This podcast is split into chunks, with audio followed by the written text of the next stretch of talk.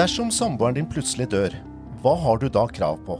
Bør alle egentlig skrive et testament? Når bør du lage fremtidsfullmakt?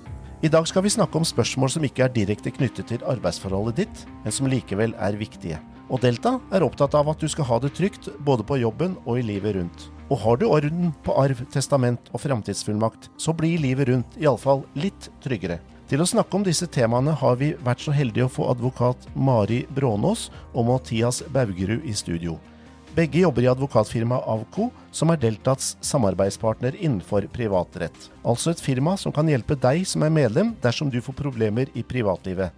Det er mange medlemsfordeler du kan lese mer om på delta.no. Velkommen til Deltapodden. Mitt navn er Per Tandberg. Vi starter med arv. Og Mathias, hva er egentlig det? Ja, det er jo et eh, Ikke et, kanskje et kort svar på det. eh, Men vi må ha noen regler for hva som skjer når noen dør, og hvilken eh, formue de etterlater seg. Hva skal skje med den? For det er jo sånn at hvis man etterlater seg ingenting, så er det jo ingenting å arve. Da trenger vi ikke regler om arv. Og det er jo et viktig utgangspunkt å tenke på, at har man ikke noe formue, har man delt ut formuen før man dør f.eks., så er det jo ikke noe å arve. Så disse reglene trer jo først i kraft hvis man dør, og man har formue som skal fordeles. I norsk rett eh, så har man jo da eh, tatt utgangspunkt i at det er barna som skal arve. Og så har man også noen regler om at ektefellen kan arve. Man har også noen regler for om at samboeren skal arve. Og så har man dette med testament. da. Man kan også bestemme at noen eller noe skal arve en når en går bort. Du snakket jo litt innledningsvis om dette med eh, samboere. Eh, Jeg tenkte vi kunne gå kanskje litt fort først igjennom dette med, med, med, med barn og, og ektefelle først. Det er jo det som er det normale. Og la oss si da at man har eh, tre barn, og man har kanskje også en ektefelle. Så er det jo da slik at når man dør, så kan jo ektefellen velge å sitte i det som kalles uskiftet bo. Og vi skal ikke gå veldig i detaljene på det i dag, men, men det er ganske viktig, for det er veldig praktisk. Eh, og akkurat dette med uskiftet bo, det er jo en sånn særnordisk ordning. Det det egentlig går ut på, er jo at man ikke fordeler formuen til den første ektefellen som går bort, men at gjenlevende ektefelle overtar den formuen uskiftet. Så Derfor man kaller det for uskifte. Man skifter ikke. Og så er det jo da slik at når gjenlevende ektefelle da dør en gang, så skal den formuen fordeles til deres barn. Det som kalles skifte av uskiftet bo. Da er det jo sånn at eh, det ligger noen begrensninger der for hva gjenlevende ektefelle kan gjøre når sitter, han eller hun sitter i uskiftet bo. Eh, så det er ikke fritt frem, men i utgangspunktet så rår man jo som en eier. Så det er viktig å være klar over at eh, man har den retten. Men hvis man tar utgangspunktet i, eh, la oss si, eh, si Ola, da, som eh, har tre barn. Han er kanskje skilt og etterlater seg en formue. Eh, da er det slik at den formuen hans, den skal tilfalle hans barn. Da er det jo dette med to tredjedeler eh, av formuen, som er det som kalles pliktdelsarv. Det er det kanskje mange som har hørt om, men eh, pliktdelsarv er jo da en begrensning for hva man kan disponere over i testament. Det vil si at hvis man ikke gjør noe med eh, fordelingen, altså man, man skriver ikke noe testament eller sånne type ting, så vil jo barna arve alt. Men man har alltid det som da kalles den frie tredjedelen, slik at man i et testament, hvis man skriver det, så kan man da disponere til fordel for noen andre for den tre, frie tredjedelen. Så da kan man f.eks. si at et barnebarn skal arve en tredjedel av formuen, eller en forening, eller øh, en bestemor, eller hvem det nå skal være. Er det noe, er det noe liksom noe hva, hva brukes mest? Hvordan gjør flest, løser flest dette her?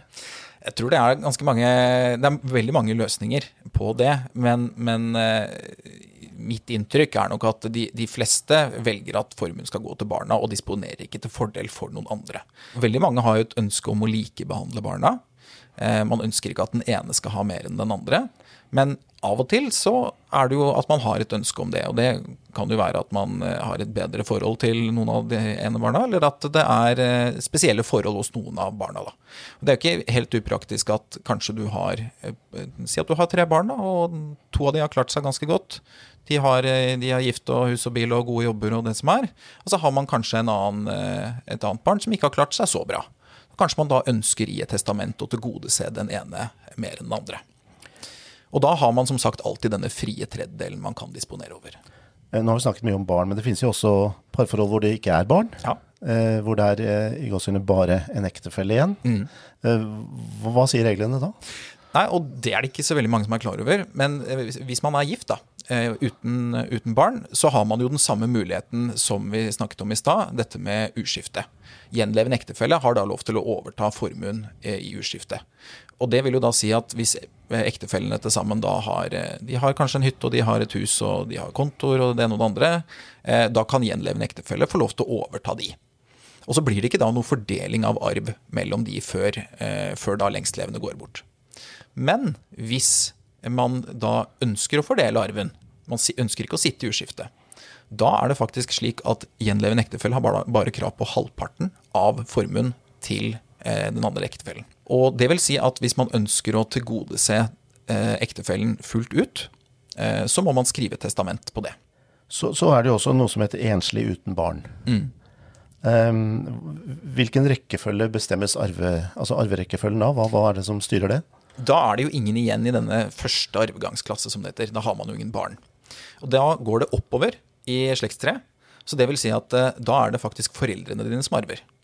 Men eh, hvis man har kommet opp i en viss alder og går bort, da, så er det jo veldig sjelden at eh, foreldrene lever. Eh, og da vil det gå da til foreldrenes barn, altså til dine egne søsken eller eh, Altså til dine egne søsken. Eh, men så kan det være at de heller ikke lever. Da går det jo da til deres barn igjen, som da vil være arvelaters, eller altså personen som dørs, eh, nieser og, kus, eh, nieser og nevøer. Og er det ikke noe, det ikke noe søsken engang, så går det jo da eh, så går det jo da videre oppover i hierarkiet. Hvis foreldrene også har gått bort. Da går det til deres foreldre og deres avkom. Da går, vil det gå til onkler og tanter. Um, Samboere er jo kanskje et, et vanligere parforhold nå enn det var, eh, var, var før, og, og der er det egne regler. Der er det egne regler. Eh, og der er det jo slik at eh, det, det klare utgangspunktet er jo at eh, samboere arver ikke.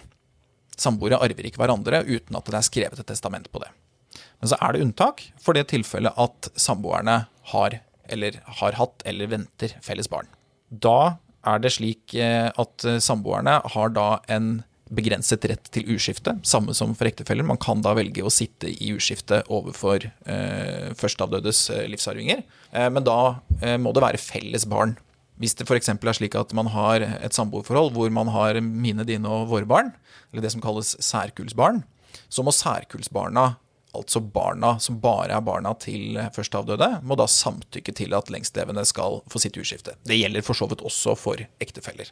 Ehm, da er det en begrensning i dette med arv, og det er jo da at uh, gjenlevende samboer, hvis man ikke ønsker å overta i uskifte, men man har felles barn, så arver de da uh, opptil 4G, da, eller fire ganger grunnbeløpet.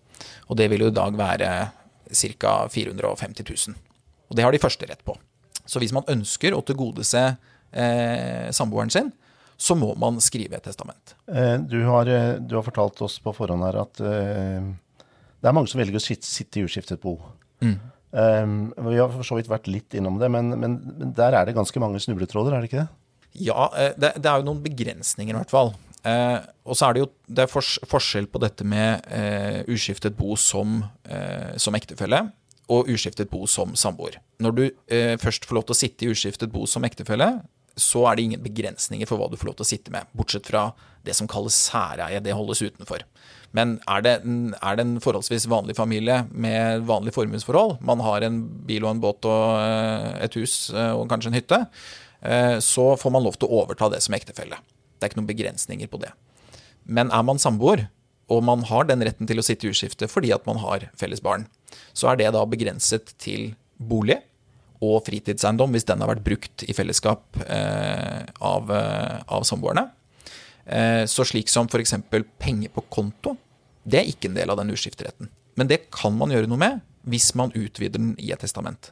Så samboerne kan da skrive et testament som sier da at for det tilfellet at en av oss går bort og den ønsker å sitte i uskifte, så skal man også ha rett til å sitte i uskifte med de og de formuespostene, eller all formue. da. Så man utvider den uskifteretten. Slik jeg oppfatter deg nå som, som, som legmann, holdt jeg på å si, så er, det går det skifte mellom felles barn og ikke felles barn. Ja.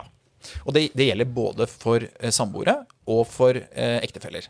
Har man ikke felles barn, så må de barna som da er eh, ikke-barn til den som sitter igjen, da, må da samtykke til en uh, uskifteløsning.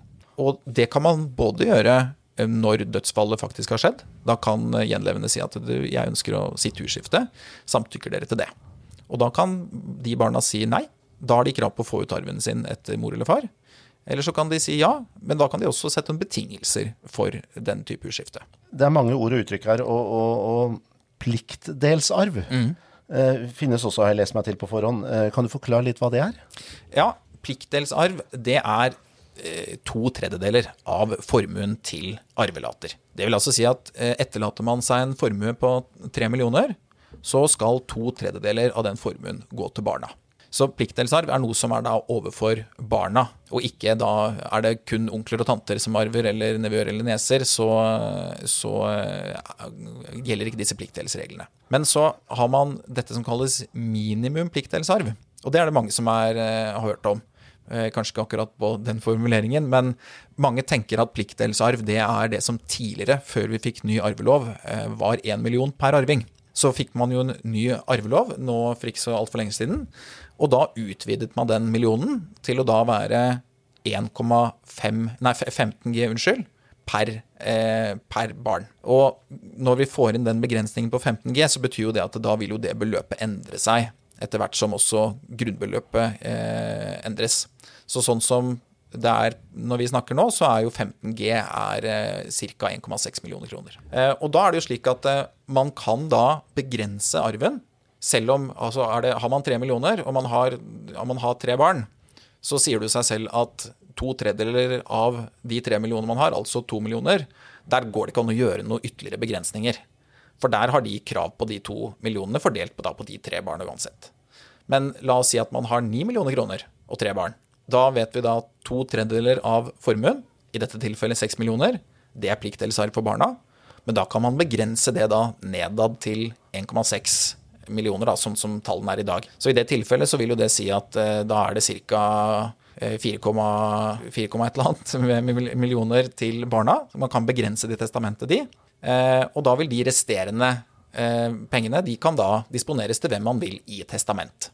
Da, en, da, må man skrive testament og fordele det sånn. Vi, er, vi, vi lever nå i en tid hvor, eh, hvor, eh, kanskje de økonomiske forskjellene blir litt større, og, og, og mange sliter litt. Eh, dette med forskudd på arv ja. er jo kanskje mer aktuelt enn det har vært ganske lenge. Hva, hva, hva kan sies om det? Ja, altså Forskudd på arv, det er jo egentlig bare en gave som gis mens, mens foreldrene lever. Men det er knyttet en betingelse til den gaven. Og det er jo da at det skal avkortes i senere arv. Så det er veldig mange som har en tanke på at bare man får noe penger av foreldrene, så sier ja, det er forskudd på arv. Eh, men etter loven så er det faktisk slik at det må, det må, knyttes en betingelse til dette. Det er tilstrekkelig å si at det er, dette er ment som forskudd på arv.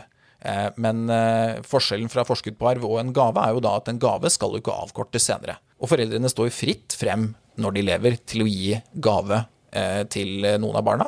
Hvis man ønsker å støtte ett eller flere av barna med, med penger, så kan man fint si at det er en gave.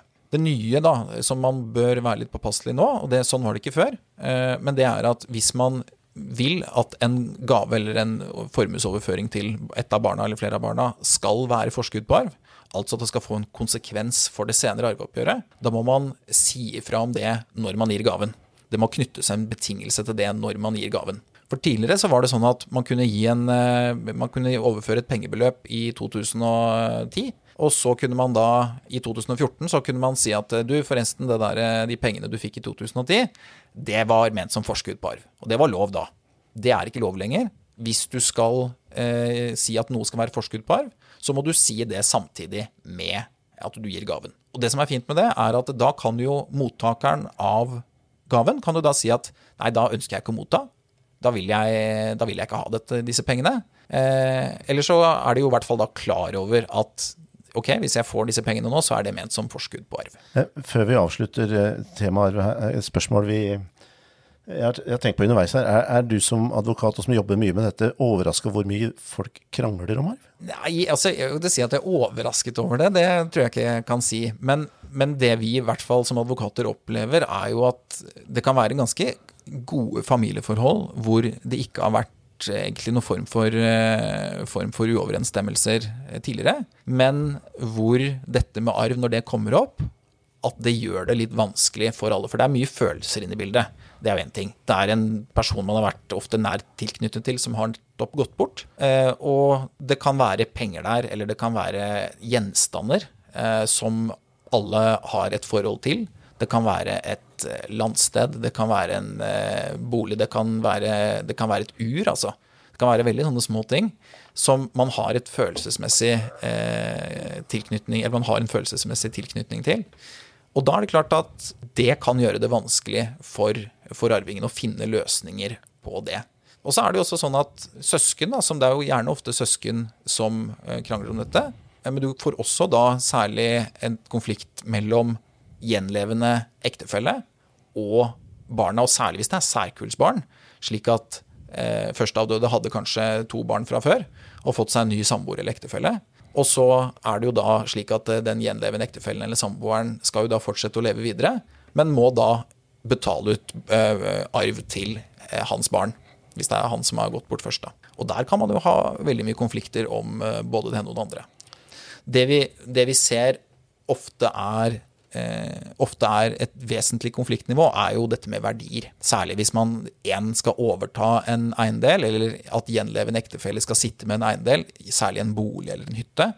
Ofte så er det mye krangel om hva er verdien på denne. Og veldig ofte så vil man jo Altså, man finner jo ikke ut av det hva en eiendom er verdt før den er solgt. Så da bruker man jo mye tid på å innhente forskjellige meglervurderinger, takster osv. Og, så videre, og, så og det er jo heller ikke fasiter du finner jo ikke ut hva den eiendommen er verdt før den faktisk blir solgt. Eh, så, det bruker man ofte tid på i sånne arveoppgjør, å prøve å finne verdier som man kan enes om. Og Der er det jo mange måter å gå frem på, men mitt beste tips er nok at man alle får muligheten til å være med på befaringer, og at eh, man kanskje oppnevner en eiendomsmegler hver. Eh, eller kanskje at man har én eiendomsmegler hver, altså én eiendomsmegler eller takstmann som gir en helt uavhengig vurdering. Og så at man kan ta et gjennomsnitt av de, da. Men arv, som, som på flere andre områder, så, så, så, er det vel lurt Altså alt man har snakket om på forhånd, og blitt enige om på forhånd, og planlagt, ja. er det beste. Ja, og det, eh, det, er jo litt sånn mantra til oss advokater at uh, hvis, du, hvis du ønsker en spesiell fordeling, Ønsker du f.eks. at den ene skal få rett til å kunne overta en eiendom, eller om det er eh, man ønsker å gjøre noe spesielt, da. det er ofte der det noe, kan bli noe kluss, så er det veldig greit å snakke med barna. Eh, snakk med barna om er det noen som ønsker noe Eh, spesielt. Eh, har man kanskje flere eiendommer som noen kunne være interessert i å overta, snakk med barna, få en avklaring. Og jo mer man kan bli enige om, eller eh, få en avklaring på før man dør, jo mindre kimete konflikt blir det ofte den dagen faktisk foreldrene går bort. Vi ser jo ofte det at det er ikke nødvendigvis foreldre som tar initiativ. Det kan være barna, for de vet at broren min han vil også ha den bunaden til sine barn, f.eks. Og da det, har jeg opplevd at eh, barna har dratt med foreldrene på møte hos oss, og så merker vi at uh, gjenlevende mor da f.eks. ikke ønsker å ta stilling til det, for det blir jo bare konflikt, og hun har ikke lyst til å velge. Og det forstår jeg jo godt, men, men man gjør barna sine en tjeneste hvis man velger å ta det valget på forhånd. Skriv ned et testament hvis man har en formening. Ok, det spiller ingen rolle for foreldrene kanskje hvem som får det, men de vet at dette blir en konflikt når de går bort. Hvem skal ha den? Det trenger ikke være verdier av eller gjenstander med stor verdi engang. Det kan være bestikk, det kan være et bilde. Typisk bunad ser vi ofte at folk eh, krangler om. Og da, da bør man eh, gjøre barna sine en tjeneste og rett og slett skrive noe om det på forhånd, sånn at det er fastlagt når de går bort. Hvem som skal ha de ulike tingene, rett og slett. Nå skal vi snakke om et tema som heter testament. og Det er et begrep og et ord eh, alle har hørt om i en eller annen sammenheng. Men hva er det egentlig, Mathias? Altså, En te testament er jo en uh, viljeserklæring om hva uh, man ønsker skal skje med formuen når man dør. Eh, det er jo på en måte den, den, reneste formen. Men jeg tror nok de fleste har et uh, forhold til hva testament er. Men det er kanskje litt mer usikkert uh, hvordan man oppretter det, og hva man kan gjøre, og kanskje hvem som bør gjøre dette. Ja, bør alle gjøre det? Ja, eh, kan du si sånn at det kommer veldig an på hva, hva slags familiesituasjon man har, og selvfølgelig hvilke ønsker man har. Eh, det som er det som er viktig, er nok at man er bevisst at man ikke har fullstendig kunnskap om det behovet selv. Eh, og der er det ofte slik at det kan være veldig greit å få en avklaring på det eh, fra, en, fra, en, advokat, for å se det er det faktisk noe jeg i min situasjon eh, bør gjøre. For alle familieforhold, selv om man kan ha likt antall barn og være gift eller ha samboer eller sånt, er, er forskjellige. Man eier forskjellige ting. Så, så, at man får, et, får en kort rådføring med advokat på forhånd for å avklare det, kan være lurt. Men eh, jeg tar jo opp noen typetilfeller, da. Som i hvert fall vi, vi er opptatt av å, å, formidle eh, på noen type tilfeller, hvor man kanskje bør se på dette med å skal man skrive testament. Og, og begrepet typetilfeller i denne sammenhengen, det ikke, handler ikke om typer, men det handler om altså forskjellige eksempler. Forskjellige eksempler, ja. ja. Eh, så det ene eksempelet er jo, eh, er jo samboere. Eh, og grunnen til at samboer er et sånt eh, eksempel hvor det kan være lurt å skrive testament, det er fordi at loven i seg selv eh, hjelper deg ikke. Hvis du har en samboer, eh, og dere ikke har felles barn, så arver ikke samboeren deg. Det innebærer jo at eh, har, man, eh, har, man et kort, har man et kort samliv, så er det ikke sikkert at man kanskje ønsker å disponere hele formuen når man dør til samboeren. Men har man hatt et lengre samboerforhold, så er jo det veldig mange som ønsker det. Men da må man skrive testament. For det som skjer hvis man har eh, samboer, ingen barn, eh, og eh, man dør, så er det faktisk foreldrene dine som arver. Hvis du ikke har skrevet et testament. Og mange ønsker kanskje ikke det, at foreldrene skal overta det. Eh, I praksis så er det jo gjerne da ofte eh, søsknene dine da, som, eh, som overtar. Men, men, veldig mange som lever i samboer, lengre samboerforhold, ønsker jo nettopp å tilgodese samboeren. Et annet type tilfelle er jo da ektefeller med særkullsbarn. Og med særkullsbarn så mener jeg jo da at man har ikke felles barn, ektefellene. Man har da eh, barn fra tidligere ekteskap. Mine og, mine og, dine. Mine og dine og våre barn. Eh, der er det jo slik at eh, den store forskjellen ligger jo at den, de særkullsbarna som den ene ektefellen har, de arver jo ikke den andre ektefellen. Så hvis man har eh, Per og Ola som eh, er gift, og så har Ola to sønner fra før, eh, de har jo da ingenting med det som Kari eier. Hvis det var ikke Ola og Kari jeg brukte som eksempel nå. Eh, og da er det jo greit at man i et testament kan da gjøre, gjøre litt planlegging. Det, altså Testamentet blir jo da gjerne brukt som et ledd i den arveplanleggingen. Eh, hvordan skal man da eh, sørge for at barna blir noenlunde likestilt, men også at man ønsker å sikre da, sikre da den gjenlevende ektefellen. For sånn som det i praksis er, er at eh, man kan jo ha da to ektefeller eh, som kanskje har vært gift fra før begge to. De kom inn med hvert sitt av eh, formue. Den ene tjener kanskje litt mer enn den andre, hadde litt mer enn den andre. Eh, og kanskje er også eh, noen år eldre enn den andre ektefellen. Så det er sannsynlig at den ektefellen kommer til å gå bort først. Og Det betyr jo da at hvis det skjer, den eh, eldre ektefellen går bort først, og den har to barn fra tidligere ekteskap eller tidligere samboerforhold, så må jo de få ut sin arv når når han eller hun som er eldst, da går bort. Og hvis man da eier en bolig sammen, man eier kanskje en hytte sammen, man har det ene og det andre i fellesskap, så betyr jo det at da må jo gjenlevende, eh, gjenlevende ektefelle må jo da betale ut de. De har jo krav på å få sin arv. Og da kan man jo bruke testamentet nettopp da som et verktøy for å kanskje gjøre litt omfordelinger der. Prøve å tilgodese kanskje ektefellen noe mer eh, enn det som følger av lovens system. Eh, og i, de i det eksempelet som jeg nevner der, så er det veldig greit å da få en avklaring med advokat. Sette litt opp hva, hva er det du faktisk eier, hva er det dere eier i fellesskap? Eh, og få en klargjøring av det, og en vurdering. Og så kan man da bruke testamentet da som et verktøy for å uh, få det til så langt det lar seg gjøre da, innenfor lovens regler, slik at gjenlevende ektefelle blir sikret. da.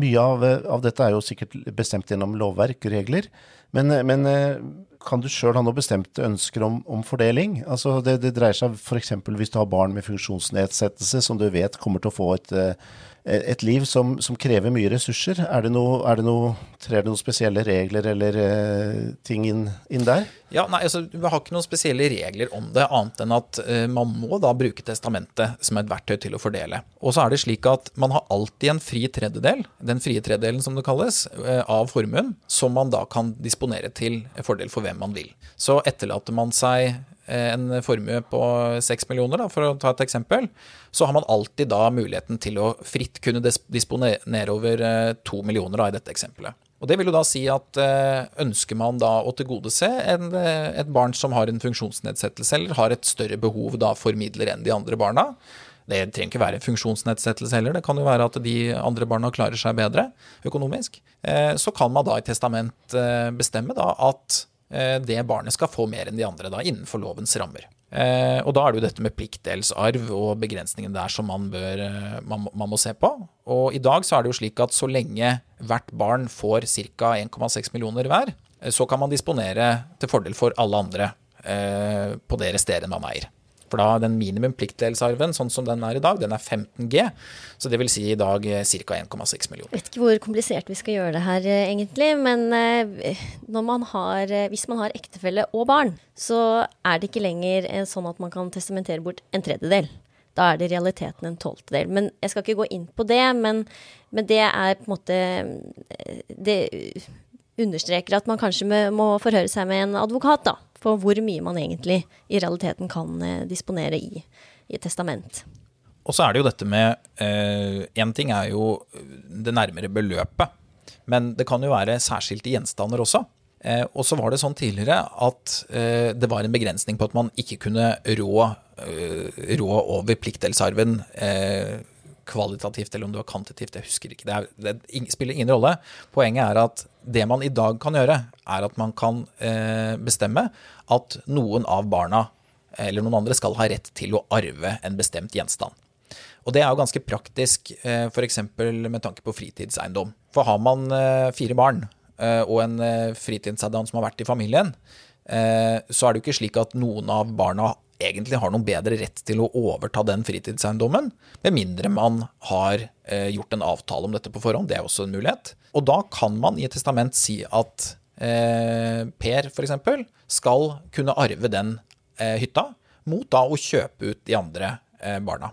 I stedet for at barna skal krangle om hvem som skal ha rett til å overta den. Eh, og det kan, jo, det kan jo ofte være en, et grep som arvelater kan bruke, hvis det er viktig for arvelater at en eiendom forblir i familien. Da har man kanskje på forhånd pekt seg ut at ja, men jeg tror Per vil skjøtte den hytta på best mulig måte.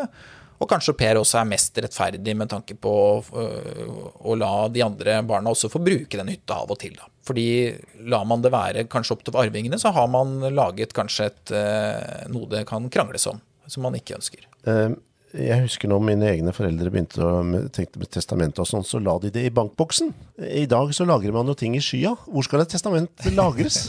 Nei, altså I dag så har vi en veldig fin ordning, eh, for man kan eh, gjøre noe så fint som å deponere eh, testamentet i den tingretten som er nærmest der man bor. Det som er fint med det, er at da blir det lagret i et register i domstolene slik at eh, den dagen man går bort, så ser da tingrettene i sin system at eh, her har vi et testament. Og da sender eh, tingretten ut det testamentet til de som er tilgodesett i testamentet. Og da har man besørget to ting. Det ene er at testamentet blir ikke borte. Man vet hvor testamentet er. Og så er det jo da mindre ofte spørsmål om dette med om man har opprettet noe testament i ettertid, og øh, hvor var, oi, hvor var det du fant dette testamentet? Jo, det lå kanskje en skuff òg. ingen andre som har sett det testamentet. Så det, det, du får notoritet, da, som det heter, knyttet til det. Eh, per i dag så koster det å deponere testamentet i tingretten eh, under en tusenlapp, og da har du det liggende der for resten av livet. Så det, hvis du gjør det tidlig, så er du ikke veldig høy leie med tanke på hvor lenge man lever når man blir i den, i den, alderen at man vil, vil, skrive testamentet, så har mange fått barnebarn. Mm. Eh, ondetunger, eller ondetunger blir kanskje feil å si, men, men barnebarna blir jo øyenstenen mange ganger for de som sitter og skriver i testamentet. Kanskje er de på mange måter mer glad i dem enn i barna sine. Eh, har barnebarn noen spesielt eh, posisjon i, i, i systemet her? Nei, altså barnebarn arver ikke besteforeldrene sine. Eh, de gjør det hvis, eh, hvis foreldrene har gått bort. Da arver barnebarna, for da trer de inn i eh, posisjonen til sine foreldre. Eller altså til sine foreldre i denne, dette tilfellet. Så dersom, dersom barna til, til besteforeldrene lever, og de ønsker å tilgodese sine barnebarn, så må de gjøre det i testament. Men det som er mer vanlig, er jo at man heller deler ut gaver til barnebarna når man lever. Eh, og da slipper man jo dette med testament og disse tingene. da. Det er jo fullstendig lov da. Man kan dele ut hva man vil når man lever, men da er det en begrensning. Eh, hvis man sitter i uskiftet bo, da kan man ikke gi sånne gaver som står i misforhold til boet, da, som det heter. Så er man, eh, er, man en, eh, er man, bestemor og bestefar gikk bort eh, for noen år siden, og man har valgt å sitte i uskiftet bo, så er det ikke fritt frem til å dele ut til barnebarna. Det er det ikke. Så er det jo det med at hvis barnebarna er to år når besteforeldrene oppretter et testament og velger å testamentere bort en stor formue eller av til dem, så er det jo ikke sikkert at de er blitt myndige på det tidspunktet de faktisk får arven, når besteforeldrene går bort. Og da, det er ikke nødvendigvis sånn at det er en fordel for barn som skal, eller ungdommer som skal studere med tanke på studielån osv., og arve mye når de blir 18. Så da er det lurt å i hvert fall ta stilling til det, og kanskje de ikke skal få tilgang til dette før de blir så og så gamle. Bør ta innta at eh, overformynderiet ikke skal forvalte det, men at deres foreldre gjør det ja, det blir en del sånne praktiske spørsmål man bør kanskje være klar over da, når man skal eh, testamentere bort til barnebarn.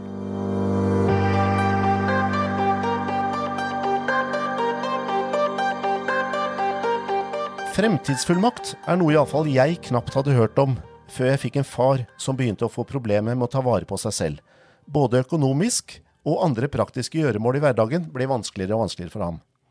Mari, kan du forklare hva en fremtidsfullmakt er, og hvorfor det kan være et så nyttig hjelpemiddel? Ja, det kan jeg. Det er eh, da i motsetning til testament, som Mathias har snakket om tidligere, så er en fremtidsfullmakt noe som trer i kraft før man har gått bort. Og man finner reglene om eh, fremtidsfullmakter i vergemålsloven.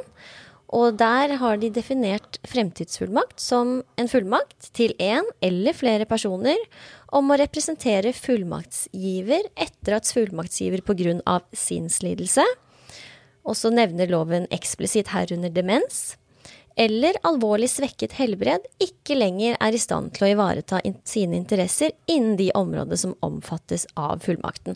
Og omfanget av en fullmakt det skal vi komme litt inn på senere, men poenget er altså at en fremtidsfullmakt trer i kraft når du helt enkelt fortalt ikke er i stand til å når du ikke er ved dine fulle fem lenger. Du er ikke samtykkekompetent. Så forhåpentligvis så er jo dette noe som aldri blir nødvendig. Men det er noe som mange velger, eller burde kanskje, opprette litt sånn med tanke på i tilfelle. Og det er jo dessverre mange av oss som blir demente eller um, svekket på en eller annen måte, sånn at man havner i en sånn situasjon at man det burde vært, eller det er aktuelt med en fremtidsfullmakt. Så, så, så, dette er noe man bør gjøre sånn just in case, som det heter på norsk, egentlig? Ja, det vil jeg si. Og det er jo ikke, nå, selv om loven nevner demens, så er det også et krav at demensen gjør at man ikke er i stand til å ivareta sine egne interesser. Så man må Det er ikke sånn at uh, demens er lik. Man kan ikke Man er ikke samtykkekompetent. Det er Men vi kan snakke litt om det senere. Når er det den trer i kraft? Men uh, ja, nei, det er noe man bør lage i tilfelle, og det kan være en trygghet ikke bare for deg selv, men for dine barn f.eks., hvis du har det. Sånn at eh, de vet at du har tatt stilling til hva du ønsker at skal skje med din eh, formue når du ikke lenger kan ta stilling til det selv, og hvem som skal utføre de ulike oppgavene. Så det kan, eh, kan være konfliktdempende, rett og slett, også, å vite at, at at du har tatt stilling til det du ønsker at skal skje med din formue. Det er på en måte en måte å, å kontrollere litt uh, sin egen fremtid, rett og slett. Hvem er det som kan være fullmektig? Det er, uh, det er For det første må det være en person. Mange, eller ikke mange, men det hender jo at folk skriver et advokatfirma. Det er jo litt dumt. Da må det i så fall være en konkret advokat. Kravet etter vergemålsloven er jo også at det er en som er myndig. Man må ha fylt 18 idet fremtidsfullmakten trer i kraft. Og så er det jo mange som velger at eh, Eller det er en selvfølge, egentlig, at det er noen som står en nær. Eh, det er en man stoler på, en man har tillit til. Og mange som har ektefelle eller samboer, velger jo å tilgodese eller gjøre hverandre til fullmekter. Og i sånne tilfeller så anbefaler vi ofte at man eh, også velger et alternativ, fordi din ektefelle eller samboer er jo gjerne kanskje jevnaldrende og kanskje blir ute av stand til å ivareta sine egne interesser på et tidspunkt. Og da er det fint å ha en, eh, en nummer to der. Typisk barn eller ja, hvem det nå måtte være. Og, og, sånn at er, eh, man har anledning til å, å, rangere fullmekter, som det heter. Har du noen uh, tommefingerregler om hva en, en fremtidsfullmakt skal eller bør inneholde? Så det er noen altså reg, Loven har noen bestemmelser om hva man eller eksempler på hva det kan inneholde. Og det er, den kan inneholde både økonomiske forhold og personlige forhold. Og fullmaktsgiver er, står jo fritt til å velge. Men jo mer detaljert fremtidsfullmakten er, desto lettere kan man si at det er for fullmektigen å vite hva de kan gjøre. Og er det en veldig begrenset fullmakt, så kan det jo hende at eh, statsforvalteren, tidligere fylkesmannen, må oppnevne en verge til å utføre de oppgavene man ikke har regulert. Og kan jo godt eh, nevne noen typiske forhold som man gjerne vil ha i en fremtidsfullmakt. Og det, når det gjelder økonomiske forhold, så er det gjerne kjøp og salg av eh, ting og tang. Mat, eiendeler, klær, ting man måtte trenge. Betale gjeld og andre utgifter, det er jo veldig praktisk. Eh, å håndtere bankkontor og selvangivelse. Eh, så kan man regulere at man skal kunne gi gaver på vegne av fullmaktsgiver. Hvis man vet man har et barnebarn som blir konfirmert om noen år, eh, så må man kan, Man kan ikke gi en stor gave med mindre det er regulert i fremtidsfullmakten. Og så er det muligheter for å regulere at fullmektigen kan avslå eller motta arv, og investere i fullmaktsgivers midler. Da er det nok mer snakk om typisk at man eh, kanskje investerer eller flytter eh, penger på konto til et fond eller aksjefond. Kanskje litt mindre praktisk med investering i bolig, men det er jo helt opp til fullmaktsgiver hva de ønsker. Litt stygt sagt, kan du også spekulere med vedkommendes penger, eller? Eh? Man skal jo ivareta fullmaktsgivers interesser. Så kan man vise til at dette var, eh, var eh, med, med de beste hensikter, så kan man vel ikke arresteres for det. Jeg vet ikke, Mathias? Nei, altså jeg tror man, man skal ikke benytte eh, fullmektigens penger til, eh, til, egen, eh, til, egen, nøye sånn sett, da. Hvis man syns det er artig å spekulere i aksjer, så er jo ikke det sånn at man bør gjøre det. Men det kan jo være praktisk for det tilfellet at man sitter her og kanskje man som ledd i dette har solgt en bolig, da. Si at fullmektigen har havnet på, har havnet på hjem og det er solgt en bolig, og så sitter man da med noen penger. Og så er det kanskje ikke sagt noe om at de pengene kan fordeles videre nå. Eh, da kan det være praktisk at disse pengene, i stedet for at de skal stå på en konto og forrentes der, kanskje de investeres i noe mer langsiktige investeringer. Dette er jo helt sånn konkret, og det må jo vurderes konkret. Er eh, mor 95, så er ikke noe poeng å ha noe langsiktig fondsinvestering, eh, med tanke på at de pengene skal jo sikkert da fordeles til barna om ikke så altfor lenge tid allikevel. Mm. Så det var jo litt om de økonomiske forholdene man kan regulere. Så har man noen personlige forhold som mange ofte velger å inkludere, og det er jo typisk da bosted. Når, man kan gjerne skrive at fullmaktgiver ønsker å bo hjemme så lenge som mulig, men når det blir aktuelt eller nødvendig, så flytter man på et hjem. Og da kan man eh, også skrive at man ønsker å ha med seg visse eiendeler på det sykehjemmet, mens andre ting skal fordeles til arvinger, slik og slik. Og mm, ja, og andre personlige forhold er typisk fritidsaktiviteter man ønsker å være med på, eller eh, inngåelse av lege- og tannlegeavtaler. Og så er det noen ting man ikke kan gjøre uansett hva som står i den fremtidsfullmakten, og det er å, at fullmakt, fullmektigen kan ikke gjøre ting som er sær, av særlig personlige forhold. Og det er jo f.eks. å stemme i valg. Det får man ikke gjort. og man kan ikke inngå ekteskap, det sier seg vel selv. Det hadde vært ganske spesielt hvis man eh, gjorde det på vegne av. Nei, fullmaktsgiver. Eh, og så kan man ikke opprette, endre eller tilbakekalle testament. Så det må man være, ha sørget for å ha oppretta på forhånd, før man eventuelt eh, mister sin samtykkekompetanse.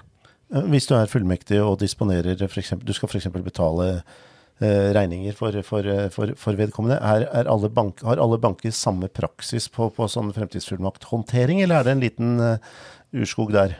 Det er altså For det er jo veldig prakt, typisk eh, ting som en eh, fullmektig vil gjøre på vegne av fullmaktsgiver, er jo å betale regninger osv. Og, så og da er det noen som tenker at det er det bare å ta den eh, bankideen og logge seg inn på fullmaktsgivers nettbank og betale der. Og det, det skal man ikke. Og det den bankideen den er personlig og skal bare brukes av eier. Så det man må gjøre da, er at man kontakter banken til eh, der, eh, der fullmaktsgiver har sine kontor. Og så forklarer man saken, sier at eh, vi skal opprette en fremtidsfullmakt, og jeg er fullmaktsgiver, og dette er min fullmektig. Hvordan skal vi gjøre det med tanke på betaling av regninger og slikt. Og jeg vet at eh, da min bestefar opprettet en for fremtidsfullmakt for faren min, så ringte de DNB, som da var den aktuelle banken, og de ønsket at eh, de skulle komme på et møte begge to. Og så skulle eh, bestefar da signere på et eller annet dokument som DNB hadde der, på at han ga fullmakt til min far. Og så ville de også ta kopi av fremtidsfullmakten. Den var allerede lagd og signert. Uh, og ja, Så det var sånn DNB ønsket å gjøre det. Og da var det slik at min far, da fremtidsfullmakten trådte i kraft, han, da han logget seg inn sin, i sin nettbank, så fikk han også tilgang til min bestefars uh, kontoer via sin egen. Så sånn var det de gjorde. Så tips da er i god tid, når, hvis du først begynner å tenke på at du skal opprette en fremtidsfullmakt, og gjør det, ring banken din og hør hvordan skal vi gjøre det i dette tilfellet her. Min erfaring når jeg skrev, eller når, når vi, vi, fikk inn et, eller lagde en fremtidsfullmakt på vegne av, av, faren vår, var altså Vi skjønte at han begynte å bli ikke bli i stand til å ta vare på seg selv. Eh, skulle fulgt loven eh, til punkt og prikk, så var vi kanskje til og med litt for sent ute. Eh, hvor, hvor, hvordan løser man sånne, hvis man skjønner at nå har f.eks. demensen gått så langt at, eh, at han er ikke helt eh, fortrolig med hva han nå skriver under på. Mm. Altså, jeg tipper at det er noen som sitter i den gråsonen der. Absolutt, og det er nok veldig vanlig.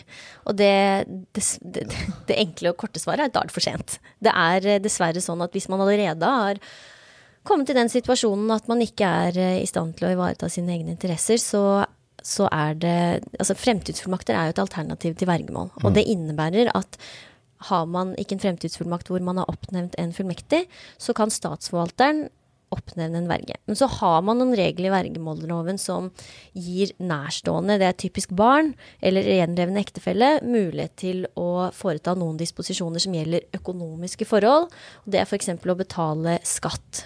Eh, men den, det er ganske begrensa. Så er det også noen regler om at nærstående kan melde seg hvis man, eh, som en verge. Men man risikerer at det er en eh, verge man ikke kjenner til, som tar seg av disse oppgavene. Selvfølgelig så skal jo de kunne gjøre De skal jo ivareta fullmakt... Eller den, eh, den som eh, ikke lenger er i stand til å ivareta sine egne interesser. Eh, de skal jo ivareta interessene på dens vegne så trygt og godt som mulig, sånn at det er jo ikke noe grunn til å ikke ha noe tillit til dem. Men det er jo det at man vil man være Vil man at det er en man kjenner godt som tar seg av disse oppgavene, så må man være tidlig ute. Og det er Ja, unnskyld altså, når du først skal da skrive en fremtidsplan, så er det, er det, en del ting som må, må, må på plass. Eh, jeg husker vi måtte bl.a. innhente legeerklæring. Men det er mange sånne ting. Mm. Ja, det er, eh, det er, noe av det vi anbefaler. Fordi et krav eh, for at en fremtidsfullmakt Eh, når den trer i kraft, da, så er det et krav om at vedkommende ikke lenger er i stand til å ivareta sine egne interesser. Og, og, når vet man det? Det er jo ikke alltid så lett. Det er, frem, det er jo fullmektigen som måtte bestemmer det. Men vi anbefaler alltid at man innhenter en legeerklæring. Da er det bare å kontakte fastlegen til fullmaktsgiver og be dem ta en vurdering på det. Og sier legen at nei, han her forstår godt eh, Han kan godt eh, foreta disse disposisjonene selv og er, er ved sine fulle fem, han. Da, da trer ikke den fremtidsfullmakten i kraft lenger. Men skulle man være noen ganger så ser man at det blir konflikt rundt dette med fremtidsfullmakten. Når trer den i kraft og ikke. Og for å avverge noe slikt, så vil, vil vi alltid anbefale at man, man får den stadsfesta hos statsforvalteren. Og da er det et krav at man innhenter en legeerklæring. Altså en lege har skrevet at eh, nå er eh, fullmaktsgiver ikke i stand til å ivareta egne interesser, så denne trer i kraft. Og da får man en attest fra statsforvalteren på at nå har den trådt i kraft. Og i noen tilfeller så er man nødt til det. Kanskje banken krever det for at du skal kunne foreta eh, eller betale regninger og sånn på vedkommendes vegne. Og hvis f.eks. fullmakten inneholder eh, det at du skal kunne forvalte fast eiendom, så vil eh, meglere ofte kreve at du kan vise til at statsforvalteren har eh, skrevet ut en attest på at den har trådt i kraft. Og det, da sender de ofte det direkte til Kartverket, sånn at de, de har det registrert i sine systemer, sånn at fullmektigen kan signere på skjøtet osv. Så, videre. så det å innhente legeerklæring når Eh, som sier at nå trer, eller nå er vedkommende ikke i stand til å ivareta sine egne interesser lenger, det er veldig lurt. Men det er også lurt å innhente en legeerklæring på det tidspunktet man oppretter fremtidsfullmakten. For det er jo et krav for at den skal være gyldig, at vedkommende er i stand til å forstå innholdet i den. Og det er jo der du sier at folk kanskje allerede er litt for sent ute. Sånn at eh, jeg har jo opplevd at leger har eh, Man har kontakta legen litt sent, og så har legen skrevet at for et halvt år siden, da denne fremtidsfullmakten ble oppretta og signert, så var vedkommende i stand til å ivareta sine egne interesser. Og det er jo hvordan Da kan man spørre seg hvordan vet legen det, hvis ikke legen møtte vedkommende for seks måneder siden. Men er det ingen som kan man si, argumenterer Altså er det ingen som har noe imot at den har trådt i kraft, da er det jo ikke så farlig. Det er jo der det er konflikt, der det er folk som kanskje kan stille spørsmålstegn ved det, ved det som fullmektigene har gjort, at det kan bli et problem. Men ofte så er det ikke det. Men det er jo um, alltid ryddig å innhente en legeerklæring på det tidspunktet man altså oppretter den fremtidsfullmakten, nettopp fordi det er et formkrav at fullmaktsgiver er i stand til å forstå innholdet når den signeres. I tillegg til denne legeerklæringen som du nevner, da kanskje til og med to ganger, så er det altså diverse det er krav til vitner osv. osv. Det trenger vi ikke gå så, så, så, så, nøye inn på nå. Men når du da blir fullmektig, har du noen tips til hvordan den rollen skal utøves? Ja, mitt eh, første eh, ganske viktig tips det er at eh, fullmaktsgiver bør på forhånd gå igjennom med fullmektigen innholdet i den fremtidsfullmakten. Man, eh, da får man avklart eventuelle tolknings... Eh, altså tvil om hva skal dette bety, hva innebærer egentlig dette? Man får avklart alle sånne spørsmål i forkant, sånn at når den skulle tre i kraft, så er ikke fullmektigen i tvil om hva dens rolle er, og hva man kan gjøre og eventuelt ikke gjøre. Så det bør man gjøre. Og eh, sånn at blir man bedt om å være fullmektig, så bør man be om å få, få sett den fremtidsfullmakten først, og, og ta et lite møte på det.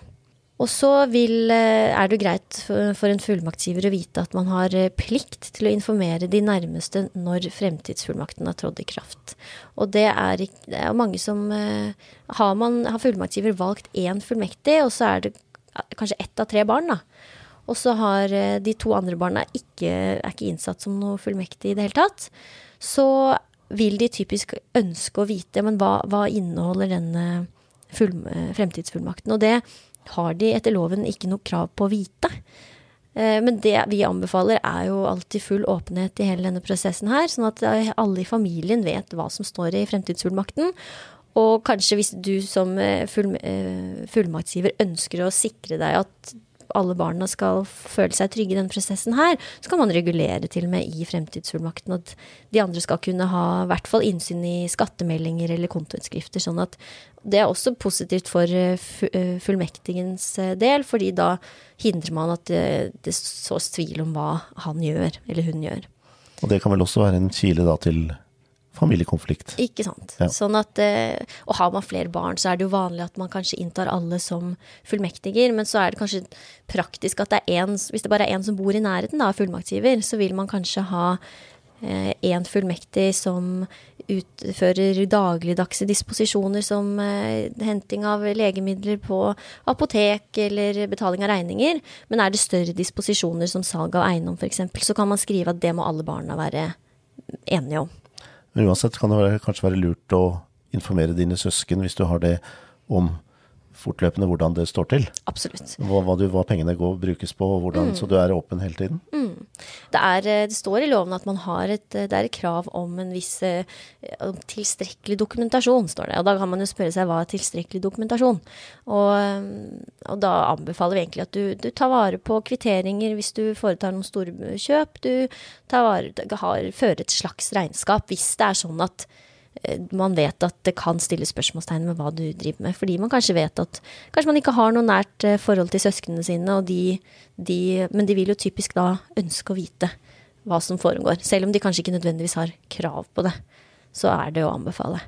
Ja, skal vi se hva mer er det man kan gi sånn, tips til fullmektigen? Jo, det er greit å vite at uh, selv om frem, uh, fullmaktsgiver ikke er i stand til å ivareta sine egne interesser lenger, så har de en plikt, uh, eller en rett, til å bli hørt.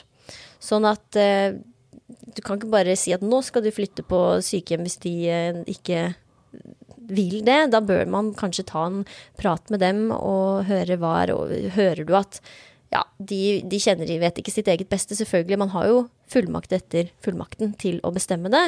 Men eh, man bør alltid forhøre seg med fullmaktsgiver først. Eh, mange eldre har behov for hjelp til å betale regninger osv., men de er ikke ute av stand til å ivareta sine egne interesser slik at en fremtidsfullmakt kan tre i kraft. Hva gjør man da? Det er jo ofte et praktisk eh, problem som oppstår. at at man ikke nødvendigvis er helt uh, Altså man kan fortsatt si at man er ved sine fulle fem, men mange eldre har ikke PC, eller de har ikke ork eller mulighet til å Eller oversikt, rett og slett, til å kunne betale løpende regninger og utgifter osv. Og, så og da er det jo mange som ønsker at barna skal hjelpe til med dette. Og da er det noe som heter en vedvarende fremtidsfullmakt, som er eh, praktisk å opprette. Det er eh, ganske likt en fremtidsfullmakt, men den trer altså i kraft så snart den er signert. Og der kan man da regulere at um, det, er, det, altså, den opp, den er en, det er først en vanlig fullmakt, kan man si. Og så på det tidspunktet, hvis det skjer at uh, fullmaktsgiver ikke er i stand til å ivareta egne interesser lenger, så blir det til en såkalt fremtidsfullmakt. Og når du sier vanlig fullmakt, så betyr det altså at du, er, du har noen definerte oppgaver du kan utføre på vegne av? Riktig.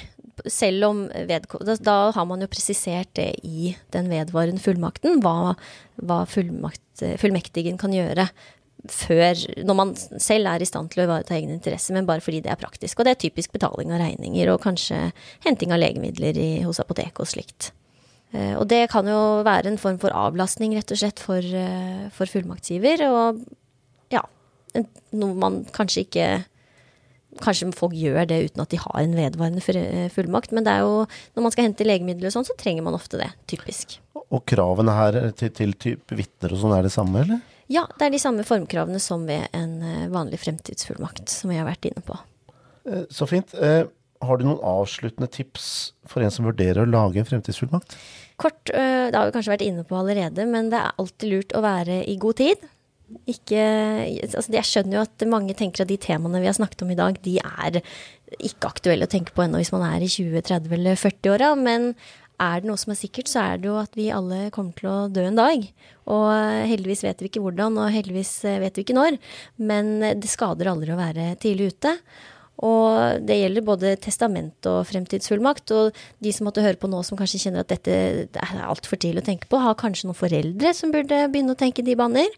Som bør, en, bør oppfordres til å tenke på fremtidsfullmakter eller testament. Så lag en i god tid. Eh, innhent legeerklæring både når en fremtidsfullmakt skal eh, opprettes, og når den trer i kraft.